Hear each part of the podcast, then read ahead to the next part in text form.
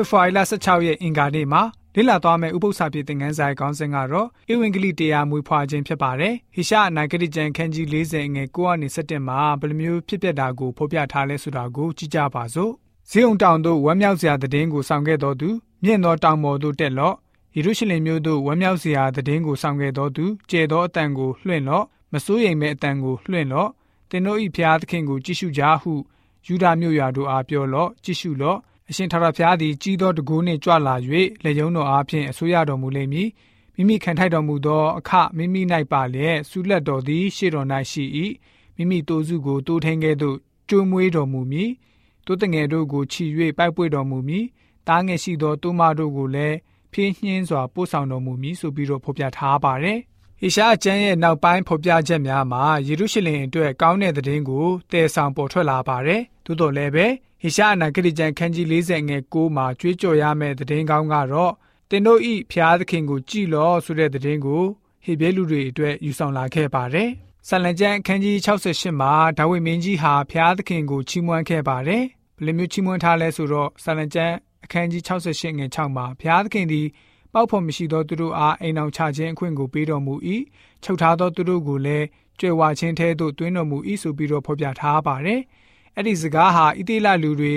အေဂဒုပြည်မှာချုပ်ထားခြင်းခံရပုံနဲ့အလားတူတက်ရောက်မှုပြုပါတယ်ဟေရှာယဟာလွတ်မြောက်ရာလမ်းနဲ့ဆိုင်တဲ့ဒုတိယထမြောက်ခြင်းဖြစ်ပါတယ်ဘာဗလုန်ကပြန်လာတဲ့ဘာဗလုန်တွေရဲ့ဖန်ဆီးချုပ်နှောင်ခြင်းအကြောင်းကိုရည်ညွှန်းဟောကြားထားတာဖြစ်ပါတယ် အလားတူဓမ္မတိကျမ်းမှာဟေရှာအနာခရစ်ယာန်ခန်းကြီး40ငယ်3အနေ5ကိုဗတ္တိဇံဆရာရဲ့လှုပ်ဆောင်ချက်နဲ့ဆက်ဆက်ထားပါတယ်ခရစ်တော်ရဲ့လန်ခီကိုပြင်ဆင်ပေးတဲ့သူနှုတ်ကပတ်တော်သည်လည်းလူစားတိအဖြစ်ကိုခံယူ၍ကျေးဇူးတော်နှင့်၎င်းတစ္ဆာတော်နှင့်၎င်းပြည့်စုံလျက်ငါတို့တွင်တည်နေတော်မူ၏ဆိုပြီးတော့ရှန်ခရစ်ခန်းကြီး1ငယ်14မှာဖော်ပြထားတာတွေ့ရပါတယ်ရှန်ဟန်မတိုင်မီကအခြားသူတွေလည်းပဲခရစ်တော်ကြွလာမဲ့သတင်းကောင်းကိုဟောပြောခဲ့ကြပါတယ်သူတို့တွေထဲကမှရှုမောင်နဲ့ အာနာတို့ဖြစ်ပါတယ်။သူငယ်တော်ကိုဆက်ကပ်တဲ့အခါမှာဗိမ္မာန်တော်မှာဖူးတွေးခွင့်ရတဲ့သူဖြစ်ပါတယ်။ဟေရှာယရဲ့သတင်းစကားမှာအမျိုးသားနဲ့အမျိုးသမီးလို့ဖော်ပြတဲ့သူဖြစ်ပါတယ်။ရှုမောင်ဟာဣသေလအမျိုးရဲ့တက်တာခွင့်ကိုအစဉ်မျော်လင့်ရှာဖွေတဲ့သူဖြစ်ပါတယ်။မေရှိယကိုမျှော်နေသူဖြစ်ပါတယ်။ဟေရှာယရဲ့အနာဂတ်အလင်းကြောင့်ပေါ်ထွက်လာတဲ့အရာဟာ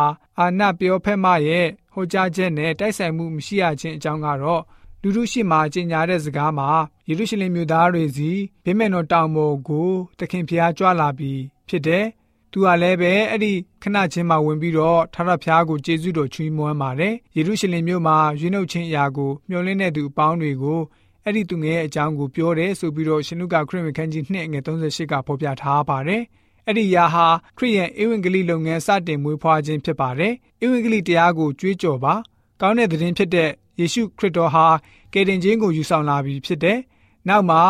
ခရစ်တော်ဟာဆိုရင်အခြားမိမတယောက်ကိုရွေးကောက်တော်မူခဲ့ပါတယ်။မဂဒလမာရိဟာခရစ်တော်ရှင်မြတ်ထမ်းမြတော်မူတဲ့အကြောင်းကိုအဦးဆုံးသတင်းပေးနိုင်သူဖြစ်လာခဲ့ပါတယ်။ဖျားရှင်ရဲ့လောကကဘာဧဝံဂေလိလုပ်ငန်းကိုတေချာသွားစေပါတယ်။အသွေးသားဟာမျက်ပင်လိုဖြစ်ပါတယ်။သို့တော်ဖျားသခင်ရဲ့နှုတ်ကပတ်တော်ဟာလူရဲ့အသွေးသားကိုခံယူပြီးတော့ထာဝရတည်နေတော်မူမှာဖြစ်ပါတယ်။ ဟိရှာအနာဂတိကျမ်းခန်းကြီး40အငယ်7ကိုဖတ်ပါမယ်။ဘယ်လိုမျိုးသောစိတ်ကူးမျိုးကိုဖော်ပြပေးထားပါသလဲ။တင်ကိုယ်တိုင်ဖျားရှင်ရဲ့ထိန်းချောင်းကြည့်ရှုခြင်းခံရမယ်ဆိုလို့ရှိရင်ဘယ်လိုမျိုးခံစားရမလဲ။ဖျားရှင်ကကျွန်တော်တို့ကိုလမ်းပြခဲ့မှုတွေအပေါ်မှာကျွန်တော်တို့အနေနဲ့ဘယ်လိုမျိုးပြန်လည်ပြီးတော့ရေတွက်ကျေးဇူးတင်နေတယ်လဲဆိုတာကိုကြည့်ကြပါစို့။ဘယ်လိုမျိုးပြန်ပြီးတော့ရေတွက်ကျေးဇူးတင်မလဲ။ဟေရှာအနာဂတိကျမ်းခန်းကြီး40ငွေ7ကိုဖတ်ပါမယ်။မိမိတိုးစုကိုတိုးထင်းခဲ့သို့ကျွေးမွေးတော်မူမည် တိုးတငယ်တို့ကိုချီ၍ပိုက်ပွေတော်မူမည်တားငယ်ရှိသောတိုးမတို့ကိုလည်းဖြင်းညင်းစွာပို့ဆောင်တော်မူမည်ဆိုပြီးတော့ဖော်ပြထားပါတယ်